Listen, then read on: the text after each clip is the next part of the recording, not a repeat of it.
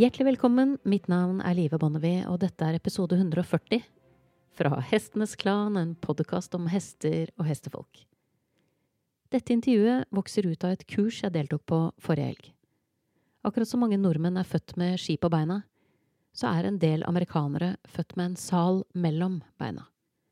Dette gjelder også dagens gjest, Jeff Sanders, som lener seg til en tradisjon som strekker seg seks generasjoner tilbake i tid, eller rundt regnet 170 år. Vi skal snakke om et liv med hester og kvegdrift, som strekker seg helt tilbake til midten av 1800-tallet.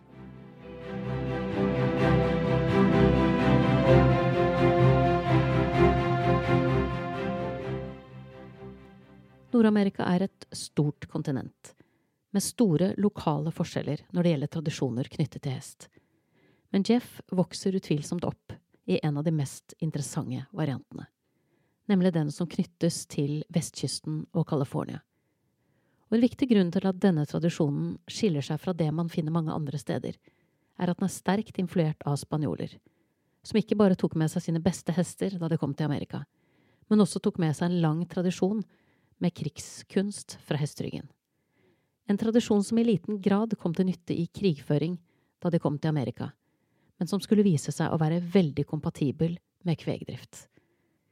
Og på den tiden var kvegdrift den største og viktigste industrien i regionen, og både skinn og fett var svært viktige eksportartikler. Kompetanse på å avle og trene hester var svært ettertraktet, og de store rancherne var på mange måter datidens overklasse, og de var nesten som superstjerner å regne. De var tydelige forbilder, og svært mange strakk seg etter å bli bedre ryttere, fordi det var en svært viktig og verdifull kompetanse å ha. Mer eller mindre alt man gjorde, ble gjort fra hesteryggen. Lette og tyngre vogner ble i liten grad benyttet sammenlignet med USA og Europa for øvrig. Alle red. Menn, kvinner og barn. Og det første som ble gjort når et barn ble født, var gjerne at en onkel fikk ungen overrakt, pakket inn i et pledd, for så å galoppere til nærmeste kirke for å sikre barnet prestens velsignelse. Slik var kulturen den gangen, så det er ikke feil å si at hest var noe man fikk inn med morsmelka. Og denne kulturen sto fortsatt sterkt da Jeff vokste opp i området rundt Santa Barbara. Og hva slags respekt du fikk, det var tett forbundet med hvordan du red, og hestekulturen som holdes i hevd den dag i dag, er fortsatt unik sammenlignet med andre hestekulturer andre steder i verden. Og de som målbar denne unike kulturen, ble kalt vaqueros, som er det spanske ordet for cowboy. Men de to må likevel ikke forveksles, for de er svært, svært ulike. Det vi forbinder med begrepet cowboy, er gjerne cowboyen slik vi kjenner ham fra filmindustrien. Men den skikkelsen dukket ikke opp før etter den amerikanske borgerkrigen, det vil si etter 1860. Men på dette tidspunktet så hadde jo de spanske cowboyene på vestkysten allerede vært operative i rundt 100 år. Og det var flere ting som skilte dem fra den klassiske amerikanske cowboyen vi kjenner best. Hvis to cowboyer i Texas var uenige, og det ble konflikt, så var det skytevåpen de grep etter. Men i California så sverget de til sverdet, og de sloss gjerne fra hesteryggen. Så det å være ridefør i California hadde en høyere status, og var på mange måter viktigere for å overleve enn hva tilfellet var mange andre steder. Så den sterke hestekulturen fra Spania vokste til å bli en unik variant på USAs vestkyst, noe som merkes tydelig på de mange festivalene de har, som gjerne er knyttet mot religion og ridning. En annen ting som var ganske unikt, var klimaet, som muliggjorde ridning hele året. Det som også var unikt, var bruk av tjenere, ikke bare i overklassen, men også i middelklassen. Å ha én tjener per medlem i familien var ikke uvanlig, så de hadde rikelig med tid, og dermed også tid til hestene sine. Tenk selv hvor mye tid du hadde hatt til å ri og trene hester hvis du hadde hatt en tjener 24 timer i døgnet. Og legg til at de anså ridningen som en kunstform, et perspektiv de hadde med seg fra Europa. Men i motsetning til i Europa, der ridekunst var for en begrenset gruppe adelige, så var ridning som kunst normen i California og kombinasjonen av at alle red og alle regnet det som kunst, var helt unik.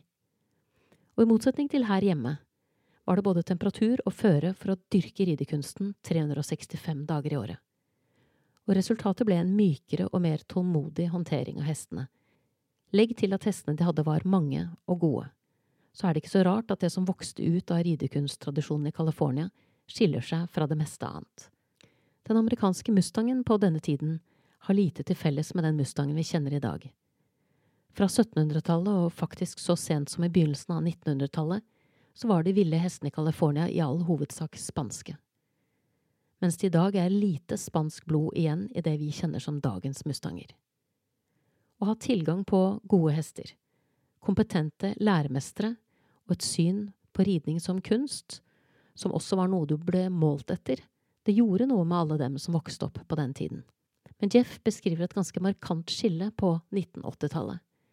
Økonomien blomstret, folk hadde mye penger mellom hendene, og det ble arrangert stadig flere konkurranser og ulike mesterskap. Og disse ble gjerne holdt i Texas, som fungerte som et slags knutepunkt for hele nasjonen. Utfordringen var at rytterkulturen i resten av USA var en ganske annen enn den som var gjeldende på, vestkysten. Og disse mesterskapene satte standarden for hvordan du måtte ri for å kunne hevde deg. Og flertallet i USA red annerledes enn de som vokste ut av vaquero-tradisjonen i California som skilte seg ikke bare med måten hestene ble temt, trent og ridd på, men også med utstyret. Omkvedet i California i dag er at kampen om hva slags horsemanship som gjaldt, den var det Texas som vant. Jeff snakker i intervjuet også om Dorrance-brødrene og Ray Hunt, som ikke opprinnelig var fra vaquero-tradisjonen, men som holdt til nord i California. Dorrance-brødrene, Bill og Tom, var gode til å trene og temme unghester og de var svært gode til å håndtere problemhester. De gamle vaqueroene temte også unghester, men de hadde lite å gjøre med problemhester, fordi de kom fra en tradisjon der unghester trenes med tanke på hva slags liv den skal ha de neste 10–15 årene, ikke de neste fem–seks ukene. Det er to helt ulike perspektiver, og dynamikken blir naturlig nok også svært ulik. Dermed startet ikke vaqueroene 100 unghester samme år med ulike eiere, og da ble det selvsagt også svært få, om noen, såkalte problemhester. Ikke så underlig at Dorrance-brødrene fikk flere slike problemhester å håndtere, for de måtte kompensere for quick-fix-trenerne som etter hvert florerte. Både Tom og Bill var absolutt respektert for sin milde hestehåndtering, og de var regnet som solide hestekarer, men de hadde et annet trekk som gjorde at de virkelig skilte seg ut sammenlignet med vaqueroene og det var at de ikke holdt kortene like tett til brystet. De var villige til å dele av sin kunnskap, i motsetning til de som var en del av vaquero-tradisjonen, der kunnskap ikke var noe du kunne ta del i med mindre du var født inn i en slik familie. Vaqueroene hadde en tradisjon preget av laug, slik vi kjenner det fra Europa, og der var metoder og fremgangsmåter noe man beskyttet og hegnet om, og ikke noe man delte ut til alle som ville ha. Men Dorrance-brødrene skiller seg også markant fra Vaquero-tradisjonen på andre områder. Ikke minst fordi at de trener hestene med trinsebitt, mens Vaquero-tradisjonen var å ri med hackamore. Og da mener vi ikke den som Jeff kaller en mekanisk hackamore, og som mange refererer til som en engelsk hackamore, den med skjenkler i metall. Han snakker om den klassiske stive varianten laget av oksehud, med tøyler i form av en mekate, som er laget av hestehår, nærmere bestemt hår fra manen igjen noe som er hentet fra den spanske tradisjonen. Men vaqueroene holdt også kortene tett til brystet, fordi overlevering av kunnskap ga de ulike familiene unike og viktige konkurransefortrinn. Det å kunne hest var rett og slett inngangsbilletten til det livet mange ønsket seg, der de fikk drive med hest mens de nøt respekt for sin betydelige kompetanse. Hvor god du var til å ri, avgjorde din plass i samfunnet. Var du en virkelig god rytter, ble du en respektert vaquero i det øvrige samfunnssegmentet. Var du en dårlig rytter, så havnet du på bunnen av arbeiderklassen. Tilgangen til kunnskap fra de gamle vaqueroene var ikke noe du kunne kjøpe deg til. Det var noe du i beste fall kunne gjøre deg fortjent til. Og det gjaldt også innen din egen familie. Du måtte gjøre deg fortjent gjennom lidenskap og dedikasjon. Og kom du fra utsiden, måtte du virkelig gi alt, og dessuten ha en god porsjon flaks for det var svært få vaqueros som var villige til å dele sin kompetanse med noen utenfor familien. Omkvedet fra Pat Perelli og flere av hestetrenerne på 80-tallet var at den eneste måten du kunne lære av gamle vaqueros på, det var å gjemme deg bak et tre og spionere. For de ville ikke trene hester med publikum til stede, og det var ikke uvanlig at de avbrøt all håndtering, trening og ridning tvert dersom noen dukket opp og observerte dem. Derfor var det også vanlig med tette vegger på alle rundpaddocker, så ingen skulle kunne se inn og lære av det som foregikk. Og som følge av dette så holdt hele tradisjonen på å dø ut. Så dukket Ray Hunt opp, og en av grunnene til at han vakte så mye oppmerksomhet, var at han ikke var en spesielt dyktig hestekar før han traff Tom Dorrance. Tvert imot. Han var kjent for å være hard mot hestene og familien til Jeff kjente han godt fordi han vokste opp i det samme området som dem. Han var ikke bare hard mot hestene, men mye av det han gjorde ble også betraktet som problematisk med tanke på sikkerhet. Men etter at han kom i kontakt med Dorrance-brødrene, ble han en så til de grader dyktigere hestekar at det vakte betydelig oppmerksomhet. Og fordi han aldri la skjul på hvem som hadde lært ham det han kunne, så ble de mer beskjedne Dorrance-brødrene viden kjent. Ray Hunt slo seg opp med klinikker der han trente og temte unghester, og på den tiden var det ikke mange som drev med dette, men han gjorde det også på en uvanlig måte. En måte som ligner det jeg har sett Leslie Desmond gjøre flere ganger på ulike klinikker. Han utnyttet flokkdynamikken i arbeidet. Også dette skapte mye oppmerksomhet, og i miljøer der fokuset kun hadde ligget på å påvirke hesten fysisk, så vakte det også oppmerksomhet at Ray vektla det mentale aspektet såpass mye. Men bruken av trinsebitt er et markant skille mellom vaquero-tradisjonen og den strengen av natural horsemanship som også fant veien til Norge. For med ulikt utstyr følger også ulike treningsmetoder og ulik håndtering. Og måten man bygger relasjonen til hesten på, er også ulik. Måten vakeroene trente hestene på, gjorde dem i stand til å gjøre ting som ikke anses som trygt, fordi relasjonen til hesten var så sterk at den ga dem den ekstra sikkerhetsmarginen. Det mest ekstreme eksempelet Jeff ga meg, det er at vakeroene fanget grizzlybjørner med tau, på samme måten som de fanget kveg.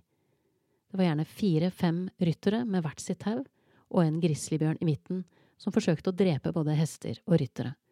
Og historier fortelles ennå om en vakero på 1800-tallet som gjorde dette helt alene.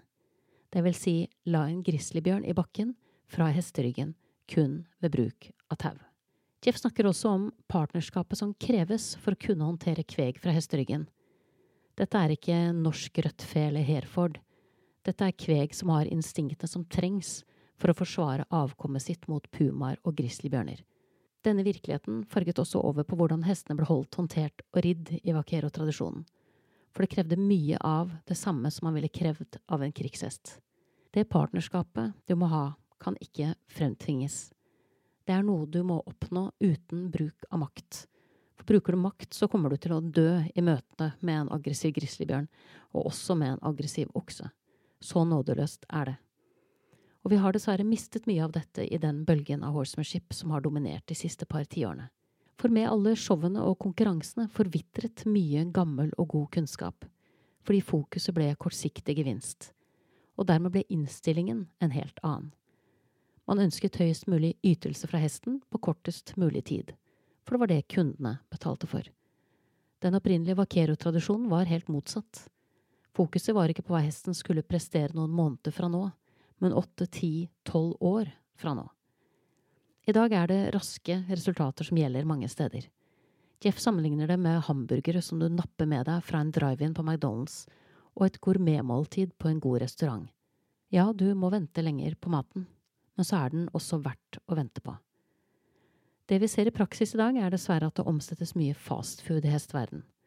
Hestene settes i gang tidligere enn før, ofte før de er tre år gamle. I gamle dager var fire–fem år det normale, og i Europa var det ikke unormalt å vente til hesten var både seks og syv år.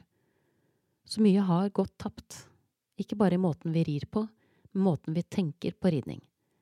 Partnerskapet med hesten ofres for å komme raskt til ønskede øvelser, og tiden hesten trenger til å forstå og omsette det den har lært til bevegelse, forseres. Jeff er ikke mot hestesport, men han er negativ til effekten ambisjonene våre har på måten vi håndterer, trener og rir hestene våre. Ofte lager vi kunstige deadlines eller kunstig tidspress for både oss selv og hesten.